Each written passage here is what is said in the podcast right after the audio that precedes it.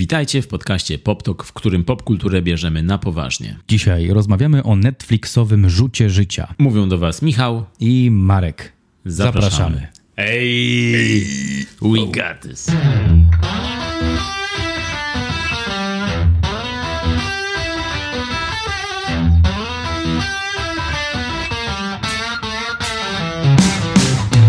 Okej, uwaga, skąd jest ten tekst? You think I'll let you do this on your own? Em, czy to jest jakiś film? Mm, niedługo może być nawet. Czy jest to jakaś gra?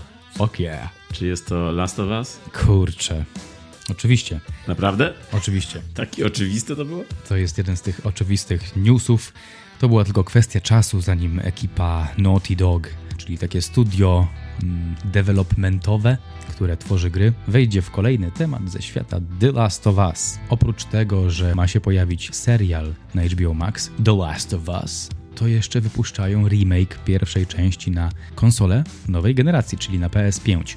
Będzie dostępna od 2 września i misją ich było to, żeby odświeżyć tytuł, żeby zrobić remake, tak żeby graficznie wyglądał jak The Last of Us druga część, a nawet lepiej. No wiadomo, że dwójka była robiona wcześniej, a remake'iem jedynki zajęli się później. Jest to świeża sprawa, teraz nad tym pracowali i we wrześniu, na początku września będzie można się cieszyć całym remake'iem. I ta pierwsza część jest y, troszkę większa, obszerniejsza niż ta druga i będzie można zagrać ciągiem od pierwszej części przez drugą, czyli poznać całość tej historii w naprawdę fajnej oprawie graficznej. I jestem trochę excited tym faktem, bo w ogóle tego dnia, kiedy się dowiedziałem, to odpaliłem sobie jedynkę na swojej konsoli, a jedynka to jest bardzo stara gra, bo to jest z 2013 i taki mnie sentyment złapał, że a, dawno nie grałem i tego samego dnia dostałem informację z Naughty Dog. Napisali do mnie, hey Mark, you know what? Czyli to ty sprowokowałeś to wszystko po Tak, prostu. to- to Hej, po Marek prostu- wrócił do grania, musimy to odświeżyć.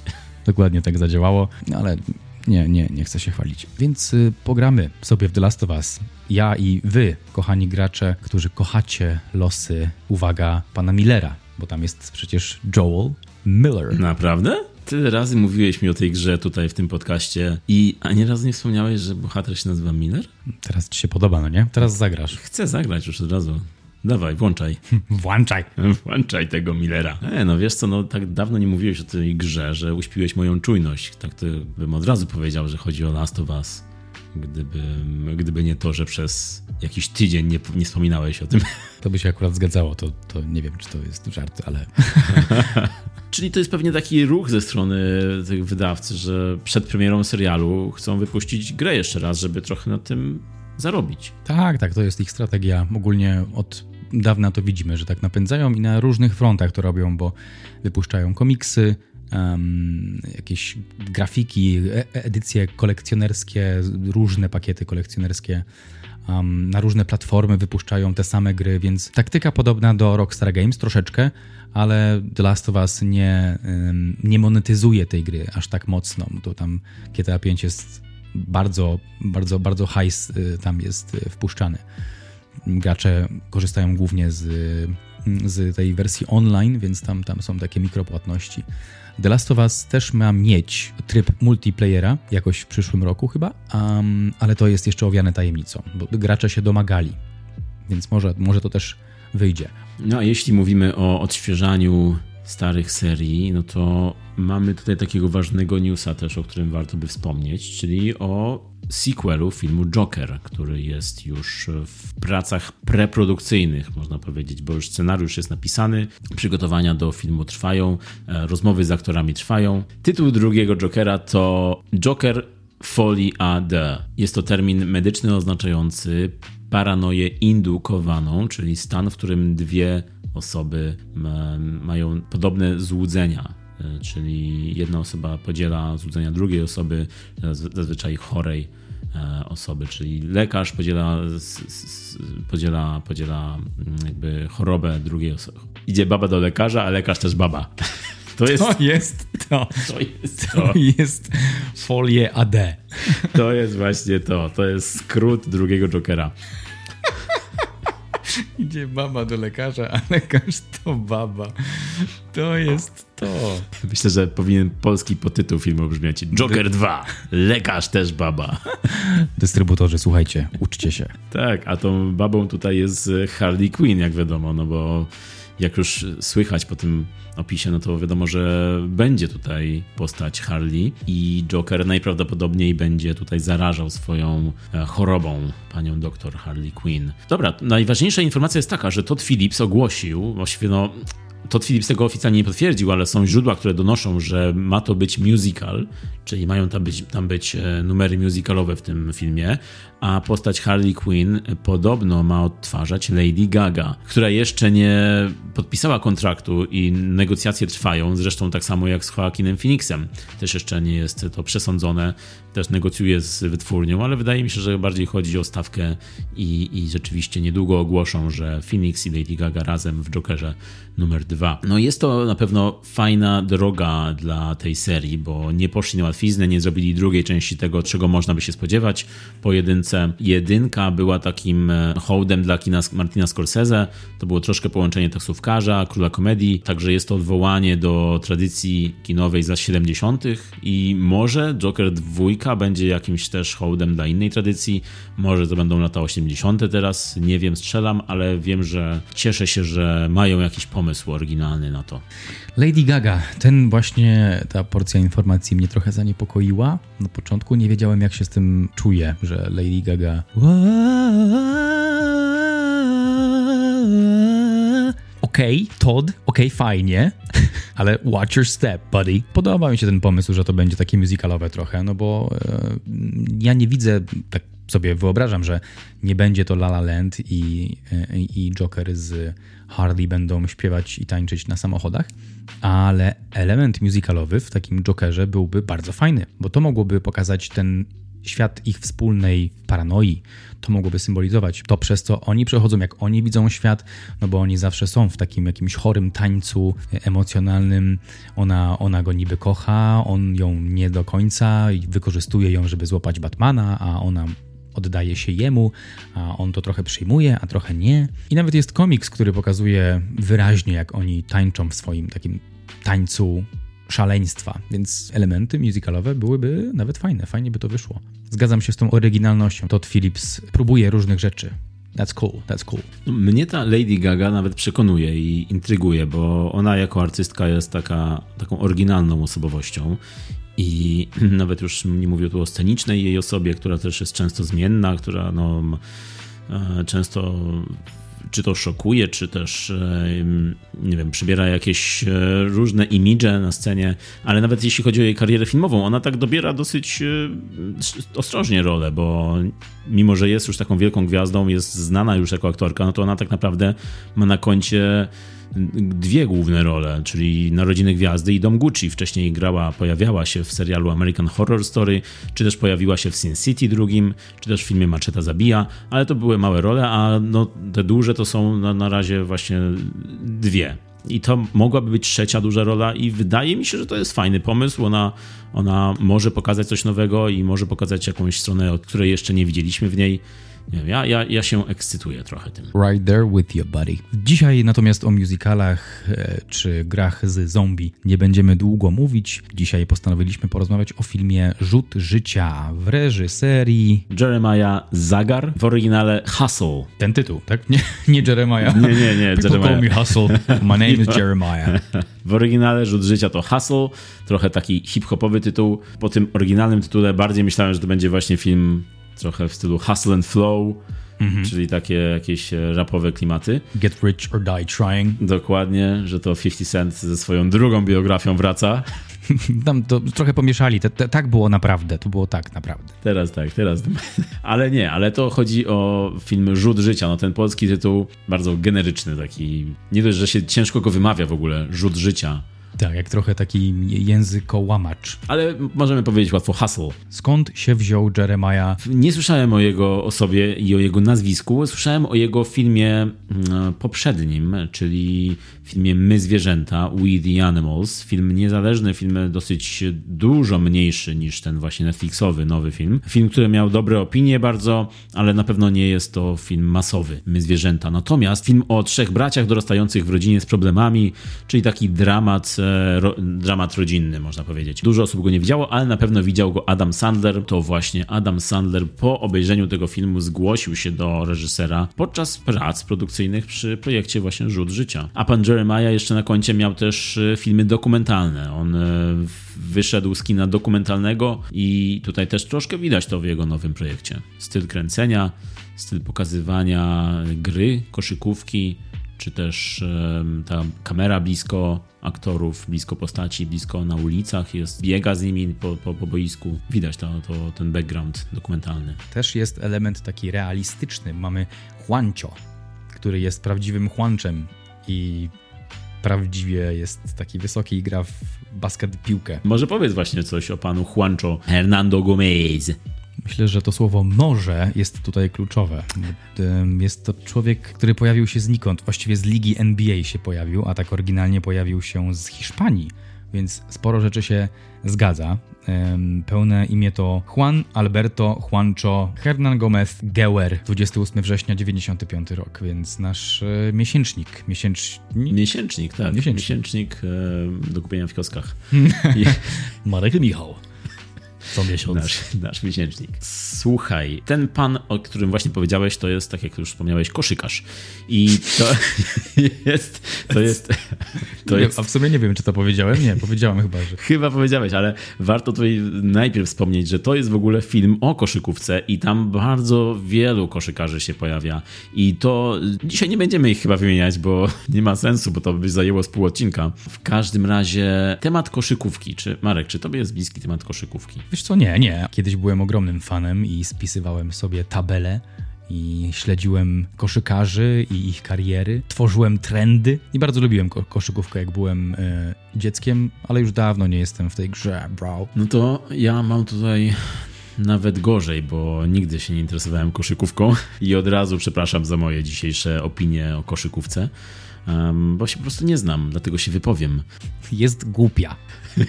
nie, nie, aż tak nie. Ostatni, ostatni raz, kiedy się zetknąłem z tą grą, to była gra NBA 98 na PC-ta. 98? tak, mm. NBA 98 na, na komputerze grałem w to i, i nawet nieźle mi szło, ale później przestałem, wszedłem w świat FIFA. O tak, to był głęboki świat. Tak, tak. I już od tej pory koszykówka tylko w filmach tylko w filmach u Spike'a Lee albo, albo nie u Spike'a Lee. także, także no, koszykówka nie jest moją mocną stroną. I podczas oglądania tego filmu tutaj, no ten film jest bardzo koszykarski. Jest tam dużo terminów koszykarskich, jest dużo graczy, e, jest dużo, myślę, takich cameo, które docenią to dopiero fani prawdziwi sportu. Ja dopiero doceniłem w napisach, kiedy pojawiały się te plansze, kiedy po prostu to z 10 minut pojawiały się te plansze, tu był ten, ten, zobacz, był ten, jeszcze i ten, i ten, a ja, mm, okej. Okay, to jest właśnie koszykówka. To jest to. to na końcu to tak wygląda. Na napisach, uwaga, spoiler, jest taki banner. To był film o koszykówce. A teraz wszyscy koszykarze, którzy tu zagrali. Czyli dzisiaj rozmawiamy o filmie sportowym, ale może zanim porozmawiamy o filmie, to może powiedzmy o gwieździe tego filmu. Bo jest to film sportowy, ale jest to film też Adama Sandlera. Adam Sandler, który swojego czasu najbardziej był znany jako komik, aktor komediowy, y, zaczynał w Saturday Night Live, gdzie zyskał dosyć dużą rozpoznawalność e, dzięki swoim postaciom, dzięki swoim, e, swojemu podawaniu tekstu w dosyć oryginalny sposób, co też przeniósł później do swoich filmów. On e, był znany z tego, że przechodził bardzo z takiego zmówienia do krzyczenia dosyć szybko i on tak w swoich komediowych filmach czy też sketchach jest takim nerwusem, który często krzyczy, który często się nakręca i to, te, te dialogi, które wykrzykuje są zazwyczaj właśnie taką puentą i tym najśmieszniejszym momentem elementem sketchu bądź też e, filmu. Czy oglądałeś komedię Adama Sandlera? Lubiłeś jego komediową wersję? Ja właśnie tylko komediową wersję Sandlera kojarzę. Ja wiem, że on miał tam taki etap, że grał jeszcze u Thomasa Andersona w Lewym Sercowym i, i to była taka trochę inna rola. W Uncut Gems też grał taką poważniejszą rolę i ludzie się zachwycali, to mówili, że to był taki jego powrót, ale Sandler komediowy to ten Sandler, którego ja znam. E, mały Nicky chyba był, Little Nicky, co tam tego diabła grał chyba, czy syna diabła czy w ogóle pierwszy film, z jakim zaczynał, czyli Going Overboard, polski tytuł Ahoj dziewczyny, same thing, same thing. Standard. No ale te wszystkie filmy, o Stożkogłowi, Odlotowcy, y, Billy Madison, Kuloodporni, Kariera Frajera, Klik, Robisz co chcesz, to są, to są filmy bardzo, bardzo komediowe, gdzie on, on, on no nie wprowadzał zbyt dużo powagi do swojej postaci. Jeszcze przez chwilę pojawił się w opowieściach o rodzinie Meyerowic i ten film mi się podobał, mm, ale pan Adam był dla mnie zawsze takim krzykaczem takim trochę e, mm, komikiem przesady, ale nie Nicolas Cage way, tylko taki właśnie swój styl miał. Ja te jego komedie, właśnie takie Kariera Frajera, Happy Gilmore czy Od Wesela do Wesela, ja ten, ten jego okres kojarzę najbardziej z odkodowanym HBO, koniec lat 90., kiedy odkodowywali HBO, ja siadałem, oglądałem wszystko tak jak leciało i właśnie często tam się pojawiały filmy z Sandlerem i tam właśnie obejrzałem od wesela do wesela, tam obejrzałem karierę frajera e, i pewnie coś tam jeszcze nawet, nawet nie pamiętam. W każdym razie oglądałem te filmy z takim, e,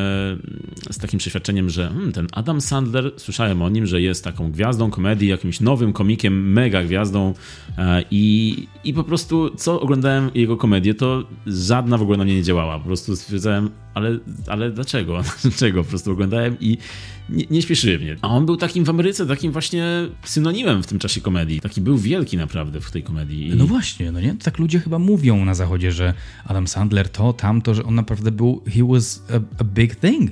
Mi się wydaje, że to jest właśnie taka typowo kulturowa rzecz, że, że to jest takie amerykańskie poczucie humoru. On jest takim everymanem trochę, takim zwyklakiem, który jest na ekranie taki, jak jest w rzeczywistości. I on ma taki nawet image swój, że że on zawsze, on rzadko kiedy widać go w garniturze, zazwyczaj jest właśnie tak e, casualowo ubrany, zazwyczaj mówi to, co myśli, jest taki na luzie, wychillowany, mm, przy czym jest takim sympatycznym, poczciwym gościem po prostu. I tak zazwyczaj jest właśnie w wywiadach, zazwyczaj jest też e, tak, jak się pokazuje prywatnie i tak samo na ekranie. I jego komediowe, komediowe wydanie, tak jak właśnie już mówiłem, nie przekonywało mnie nigdy. Od jego wczesnych filmów aż do nowych filmów zawsze jakoś staram się dawać mu szansę, oglądam nowe komedie z nim, myślę sobie, no dobra, może tym razem będzie śmiesznie, tak wszyscy mówią, że jest taki śmieszny, no to mówię, tym razem dam mu szansę, oglądam nowe filmy na Netflixie i no way. Dokładnie tak jakieś e, te nowe. On teraz podpisał jakiś czas temu, kilka lat temu, podpisał umowę z Netflixem na wyłączność i jego filmy pojawiają się regularnie.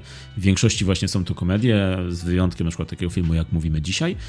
No i są to głupawe komedie, ale no nie tak głupawe, żebym się śmiał na nich. Zazwyczaj ze trzy razy się ze, może uśmiechnę albo zaśmieję. Tak jak był taki film Jennifer Aniston ostatnio, Murder Mystery. Także no takie filmy, Weselny Tydzień, Sandy Wexler, no i miał ten pierwszy jego film Netflixowy, czyli Ridiculous Six, który też zbierał bardzo złe opinie. No w każdym razie, w każdym razie, jego wydanie komediowe w ogóle mnie nie rusza, ale inaczej jest już z jego wydaniem dramatycznym, bo, bo uważam, że jest naprawdę bardzo dobrym aktorem dramatycznym i ta pierwsza poważna rola po tym okresie komediowym, czyli Lewy Sercowy, o którym wspomniałeś, Paul Thomas Anderson, świetny film, świetna rola. To był taki moment, kiedy on pokazał właśnie mm, fanom, pokazał e, światu, że ma tą inną twarz. Tak jak Jim Carrey miał wcześniej komedię, komedię, komedię i nagle później Truman Show. Albo serial Kidding.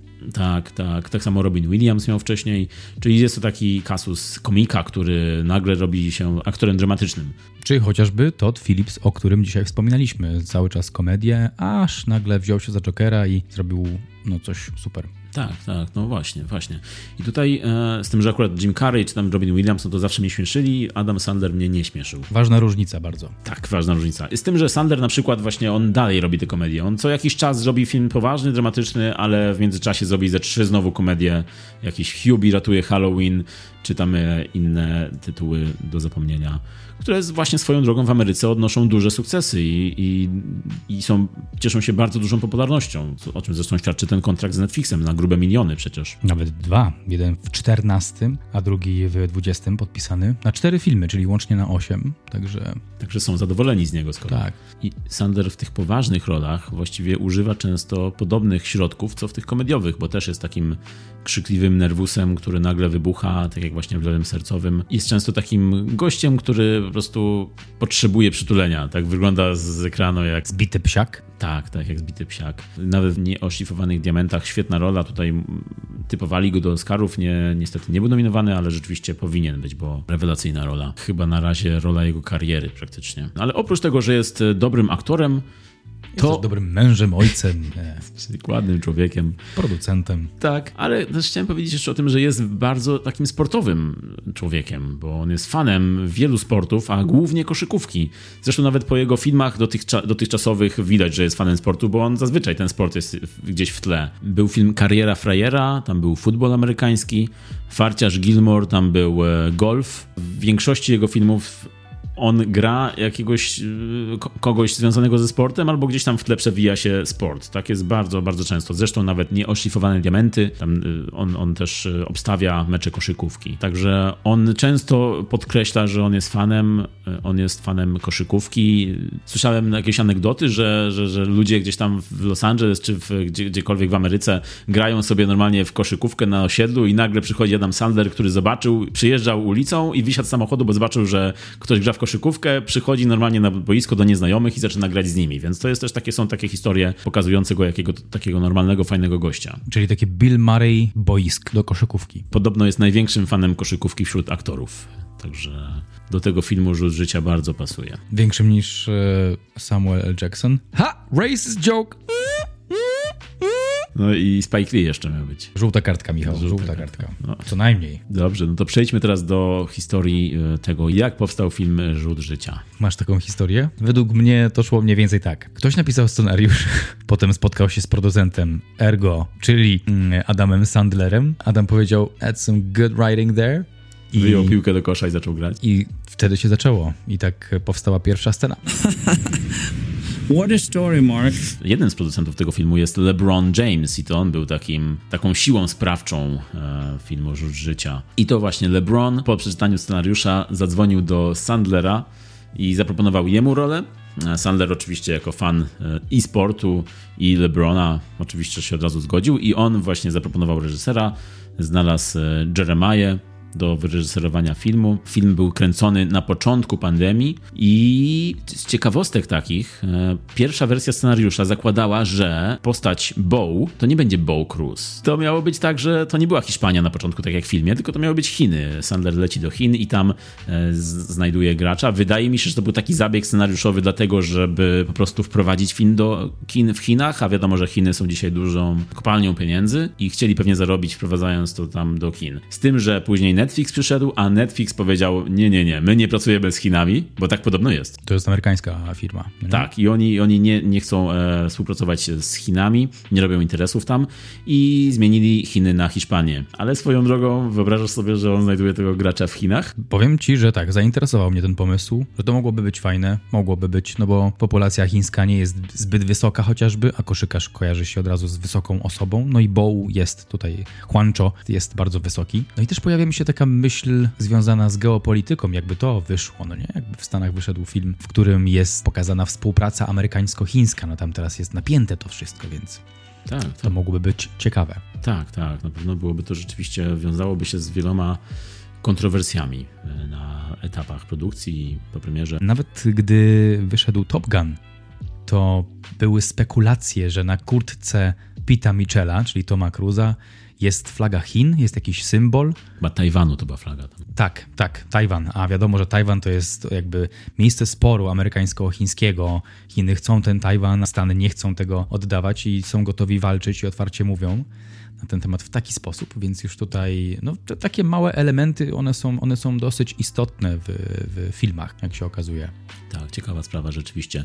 No ale w każdym razie w filmie jest Hiszpania i znajdują tam Bo Cruza granego właśnie przez Juancho Hernán Gómez. Film zaczyna się od razu e, z taką dozą informacji, żebyśmy wiedzieli, kto jest kim w tej dynamice. I mamy, mamy małżeństwo e, Stanleya i Teresę Sugarman i oni sobie żyją wraz ze swoją córką. E, pokazany jest taki daily grind tego Adama Sandlera, czyli Stanleya, jak on pracuje, z kim pracuje, a pracuje właśnie z Robertem Duvalem i jego synem Benem Fosterem. To są takie postaci bardziej obrysowane, tak konkretniej, bo tam jest sporo dynamiki takiej e, rywalizacyjnej. Ten syn Rex America, granego przez Roberta Duvala, stoi w takiej opozycji do Adama Sandlera. I od początku filmu wiemy, że Adam jest tym, czyli Stanley, jest tym łowcą talentów. On e, wyszukuje graczy, lata na różne mecze, żeby zobaczyć do różnych krajów, żeby zobaczyć, jak sobie radzą różni gracze, jakie mają temperamenty, charaktery,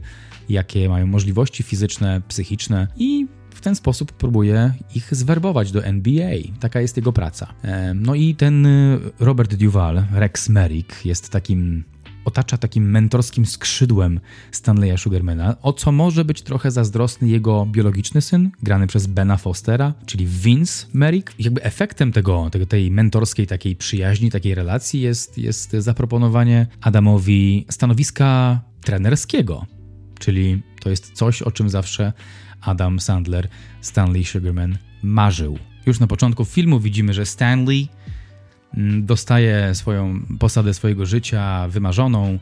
Niestety y, ten ojciec, właśnie grany przez Duvala, tego samego dnia umiera. No i, no i jego syn już otwarcie wyraża swoją, swoją niechęć do, do Stanleya, degradując go do jego poprzedniego stanowiska, które polegało na lataniu i szukaniu talentów. I to właśnie robi podczas swojej następnej podróży do Hiszpanii. Tylko tam już jak wylądował i poszedł na boisko, to zobaczył przez przypadek coś cudownego.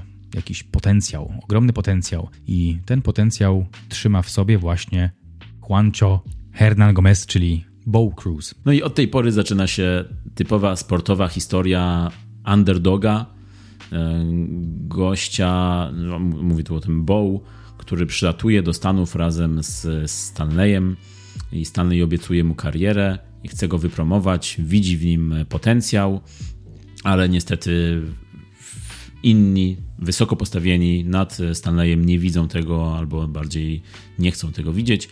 No i jest to taka walka właśnie o wejście na szczyt, o pokazanie, pokazanie swojej, swoich umiejętności. Mm, trochę taka sportowa historia Kopciuszka. I tutaj Bo Cruz jest takim kopciuszkiem, który... Ma problem z pornografią. Tak, i z jedzeniem. Zamawia dużo jedzenia na koszt Sandlera, z czego zazwyczaj bierze tylko gryza, bo uważa na dietę. Tak zabawne są te momenty właśnie. Jest to i kilka takich akcentów komediowych, delikatnych, które są rzeczywiście zabawne, ale głównie jest to, mm, jest to taki typowy film sportowy, który odhacza wszystkie te scenariuszowe etapy z tym, że no, w pewnym momencie może troszkę się to zmienia, może nie jest to tak do końca takie typowe, ale o tym za chwilę. Jak już na początku ustaliliśmy, Marek, nie jesteśmy wielkimi fanami koszykówki, ale jak ci się oglądało koszykówka w tym filmie? Zaraz, zaraz, zaraz, zaraz. Wait a minute. To, to jest moja faza post. Ja byłem fanem koszykówki. Don't drag me into this. Nie, nie, nie. Nie uratujesz tego już, Marek. Koszykówka w tym filmie była bardzo fajna, ciekawa. Film był taki dynamiczny, sportowy. Ten power sportowy było, bardzo wpływał na power odbiorczy. Wszystko było takie dynamiczne, był wyraźny rytm, beat. Było dużo takiej, dużo takiej męskiej energii w tym wszystkim. Dużo takiej mentorskiej, męskiej, e, dużo też przyjaźni było tam, ale za długo mm, pojawiały się jakieś e, problemy u postaci, ale one długo z nimi nie zostawały, bo za chwilę były właśnie rozbijane przez tą taką e, dynamikę wyjdź ze swojej głowy, wyjdź ze swojej głowy, taki, taki, taki przekaz ogólny. Nie daj innym wejść do swojej głowy. I ta koszkówka była tu obecna, bo jest to film o koszkówce, ale też wybrzmiewała mm, z tej z tej takiej, e, z tą energią filmową. Dużo było takich, no nie, takiego samczego, takiego, takiej rywalizacji właśnie, tak e, byliśmy, byliśmy tą naszą głową widza w grze cały czas z nim. Nie taką może, nie tylko w grze na parkiecie, ale byliśmy też w takiej grze mentalnej, tak u, u, u niego w głowie. Tak, rzeczywiście, bo tam e, przed tymi głównymi momentami meczowymi tam było dużo takich treningów, dużo montażów treningowych, jak to zazwyczaj w filmach sportowych i było dużo właśnie takich starć e, Bow z innymi koszykarzami, już doświadczonymi gwiazdami NBA. On tutaj dopiero jakby wchodzi w ten świat. On jest taki, takim outsiderem. Mm, i jako taki outsider jest, jest od, odpychany przez tych koszykarzy. I fajnie było pokazane, e, szczególnie ten, ten, jeden e, Anthony Edwards, prawdziwy koszykarz też. I on tutaj grał gościa, który ma na imię Kermit. I jego potyczki z Bow, to było fajnie rozegrane. Pokazane było, jak mu próbował wejść do głowy, jak mu próbował namącić, jak, e, jak sport to nie tylko sport, ale też właśnie to, co masz w głowie i to, jak musisz, jak inni walczą z tobą też psychologicznie w ogóle postać tego Kermita była bardzo, bardzo ciekawa, fajnie zagrana, była, on, on był takim fajnym, czarnym charakterem tego filmu, można powiedzieć. No i walka właśnie Bow z nim e, była też emocjonująca, powiedziałbym.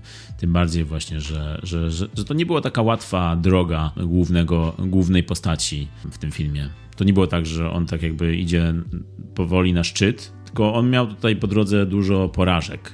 Juan Cho oryginalnie, no bo tak prywatnie się nazywa, ogólnie też ma taką podobną ścieżkę troszkę, bardzo taką podobną, e, patrząc na jego prywatne życie, no bo on w tej hiszpańskiej lidze grał, a potem na, na takim przesłuchaniu dostał się do NBA w 16 roku i zaczynał od Denver Nuggets, potem do Minnesota Timberwolves, potem Boston Celtics, San Antonio Spurs i teraz gra w Utah Jazz, więc naprawdę fajna ścieżka. Ciekaw jestem, czy wniósł trochę takiego swojego doświadczenia do tego filmu, do tej roli, no bo Tutaj mamy bardzo podobną sytuację. Był w Hiszpanii, trochę tam grał, a potem do NBA na te, na te przesłuchania. To są takie stresujące rzeczy i podejrzewam, że mógł coś też wnieść swojego do tego. No i może też e, element, elementy tych porażek ze swojego życia osobistego przeniósł na, na ekran, przeniósł do swojej roli, no ale to bardzo dobrze obrazuje taką, taką drogę, że to nie jest w ogóle łatwe, że widzimy człowieka, który gra w NBA i my jako widzowie oglądamy taki mecz i myślimy sobie, to jest NBA,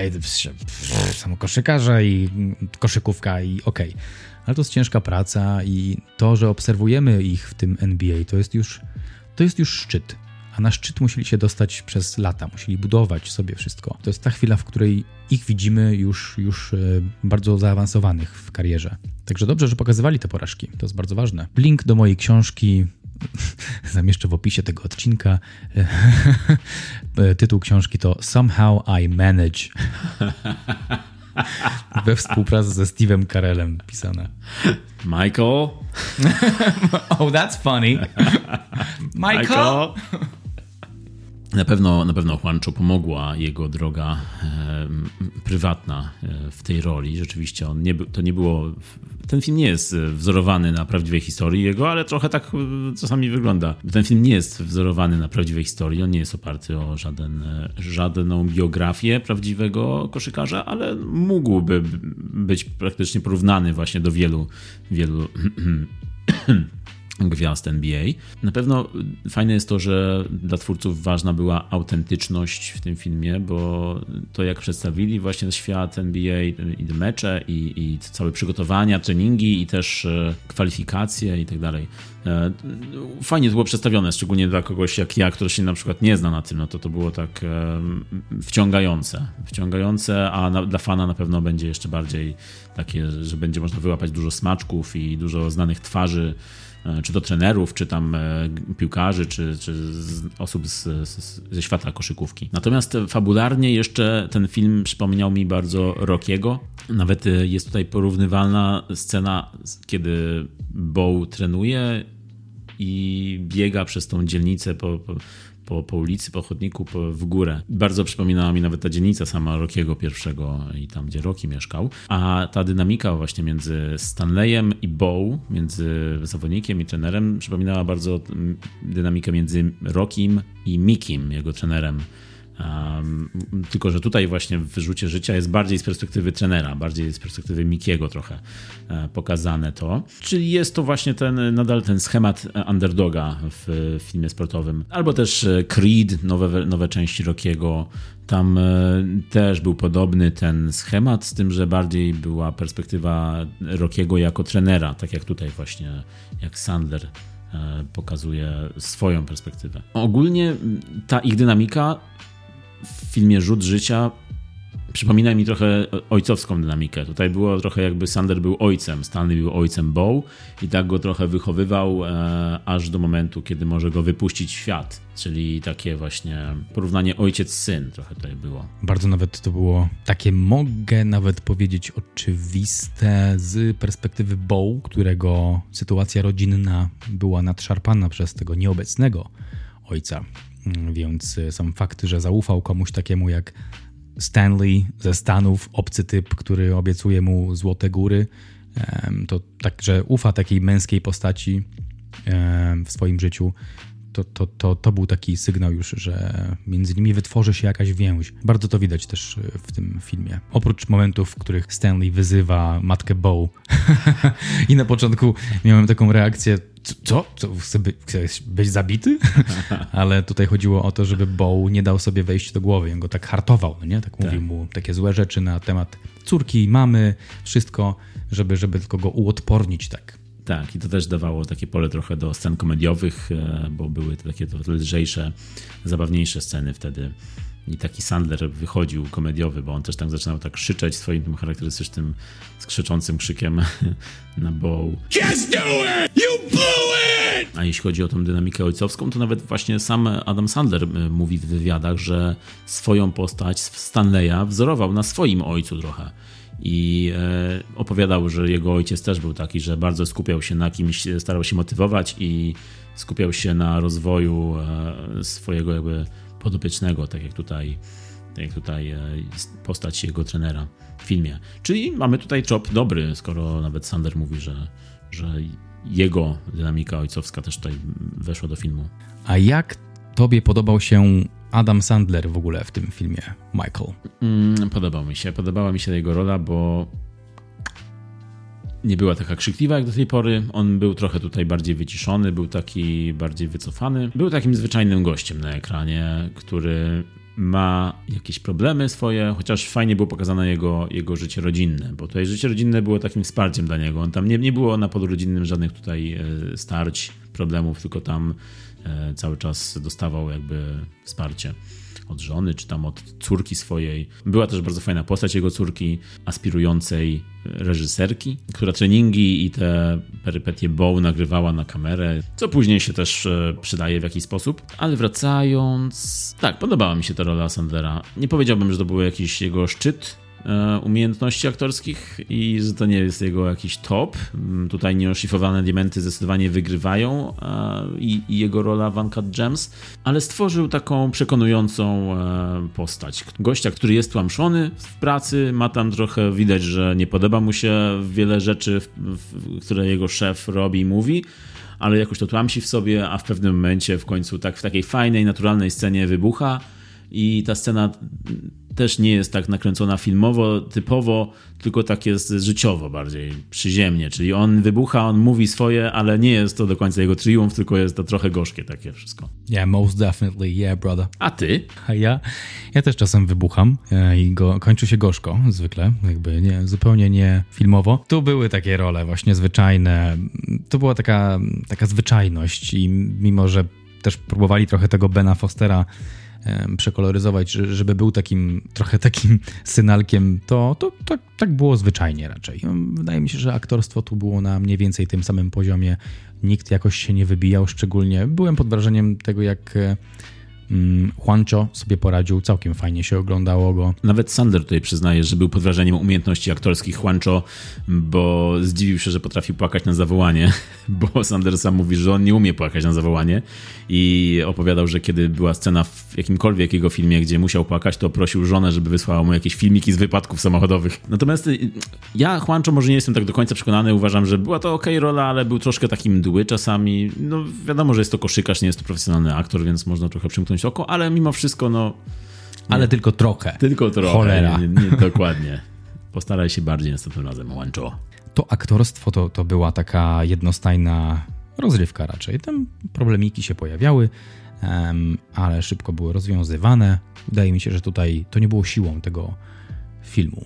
To, to, to nie dźwigało filmu, ale, ale, ale na pewno ułatwiało przekazanie pewnej historii, pewnego głównego zdania, o którym jeszcze wspomnę przy podsumowaniu. Na wzmiankę jeszcze zasługuje tutaj Robert Dival, który pojawia się co prawda na chwilę, ale dobrze go widzieć na ekranie Zwłaszcza, że on już ma dziewięćdziesiątkę na karku i grywa małe role, ale grywa, co ważne.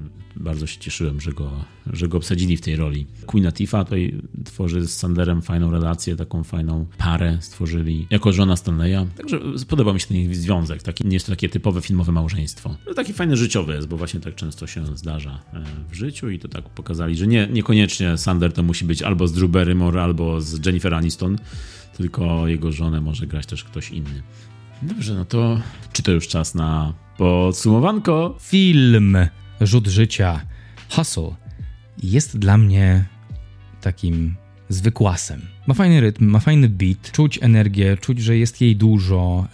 Tak jak wspominałem wcześniej, ten power sportowy przenosi się na power odbiorczy i to jest fajne, to jest szybkie.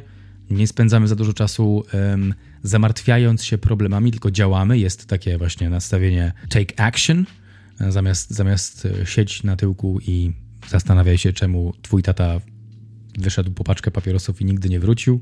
Także to było fajne, to było leciutkie, lekko strawne takie. Mm, na uwagę według mnie zasługuje tutaj i tym samym na taką pochwałę e, Sandler, który kontynuuje swoją e, taką dobrą passę bycia aktorem trochę dramatycznym, to pokazuje więcej, przez to, że gra takiego zwyczajnego gościa, tak naprawdę gra zwykłego człowieka. Łatwiej jest się z takim człowiekiem uosobić i zrozumieć, jakie ma motywy. Bardzo fajna relacja mentorska, taka ojcowsko-synowska też. Film wydaje się mówić never back down, czyli, czyli Nie nigdy... Nie poddaj się. Czyli dokładnie to, co Michał zaśpiewał. Bierz życie jakim jest, czyli tak naprawdę dwie rzeczy fajne w tym filmie dla siebie odnalazłem. Ciekawa zwyczajność sandlerowska i główna fraza, która no jest taka motywacyjna. Ten film jest też taki motywacyjny, taki opowiada o o zdobywaniu swoich celów, o robieniu rzeczy mimo lęku, mimo strachu, przezwyciężaniu siebie, przede wszystkim właściwie siebie i tego, co mamy w głowach, aniżeli tego, co inni nam powiedzą na nasz temat. Dla mnie takie 7 na 10, e, bardzo fajne, lekkostrawne dzieło. Mnie, jak już wspomniałem, ten film trochę kojarzył się z Rockim, e, trochę kojarzył się z filmem Jerry Maguire. Taki właśnie Sander był tutaj trochę taką postacią jak Tom Cruise, z tym, że bardziej taką znerwicowaną, wycofaną niż Tom Cruise. Te filmy, które wymieniłem, oba są lepsze niż Rzut Życia według mnie. No wiadomo, Rocky to jest klasyk i, i tutaj ciężko, żeby go przebić, jeśli chodzi o kino sportowe. Natomiast podobał mi się Rzut Życia. Ten schemat sportowego filmu o outsiderze, który stara się wyjść na szczyt, był tutaj bardzo fajnie potraktowany. Nie był tak e, typowo od sukcesu do sukcesu, tylko miał tutaj dużo po drodze przeszkód. Te przeszkody były bardzo ciekawie narysowane. I ta droga, ta cała droga między tymi przeszkodami była taka życiowa, przyziemna. Można było się z nią utożsamiać, nawet jeśli nie jest się fanem koszykówki. Jeśli jest się fanem koszykówki, no to tutaj było bardzo dużo dobra i myślę, że dla fanów to będzie uczta. Jest tutaj dużo gwiazd koszykówki, których ja nie znam, więc nie działało na mnie tak, jak powinno, ale na mnie zadziałał za to taki skręt tego filmu w pewnym momencie w kierunku historii o ich relacji, o tej relacji trochę jak, jakby Sander był zastępczym ojcem dla Bow. I ten kierunek bardzo mi przypadł do gustu, zwłaszcza w finale, który też nie był takim typowym e, finałem filmu sportowego, czyli nie, nie, nie, bez spoilerów oczywiście, ale był to taki bardzo dojrzały sposób na zakończenie tej historii. Taki, taki sposób na pokazanie, że, że, że najważniejsze to wypuścić kogoś w świat. Let him go i pokazał mu, co się dało pokazać, a resztę wyborów musi dokonywać sam. To było mądre w tym filmie, to mi się podobało. Ten film był oczywiście przewidywalny, jak to filmy z tego gatunku są. Był troszkę za długi według mnie i czasami te montaże treningowe były też trochę przydługie. Za to podobała mi się bardzo muzyka. Było tutaj dużo muzyki hip-hopowej, kojarzonej z sceną filadelfijską, czyli na przykład The Roots, bo film się ogólnie dzieje w Filadelfii.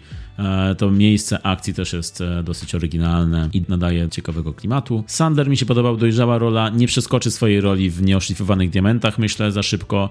Netflix wypuścił e, rzut życia w kinach w Ameryce, więc ewidentnie liczą na nagrody, na, na Oscary i inne, bo żeby, żeby być nominowanym, to musi być film wpuszczony w kinach właśnie, ale raczej nie wydaje mi się, że ten film był nominowany w jakichś kategoriach. Na pewno Sandler, jeśli już miał być nominowany, to za Uncut Gemsa, jak już nie był tam, to, to raczej tutaj um, nie dostąpi tego zaszczytu. Ale podobało mi się według mnie taki film motywujący do działania, film ciekawy, film dosyć mądry i e, takie 7 minus na 10. I my też Was wypuszczamy, bo wiemy już, że wiecie dużo o tym filmie, możecie iść w świat jako nasi podopieczni, a my jako wasi mentorzy, bez żadnej dawki ego w tym zdaniu. Bawcie się dobrze, polecamy wam yy, na lekkostrawne doświadczenie, film Rzut Życia, Hustle. Od nas na dzisiaj to już wszystko, także dziękujemy bardzo, że jesteście z nami i że nas słuchacie. Do zobaczenia, usłyszenia w następnym.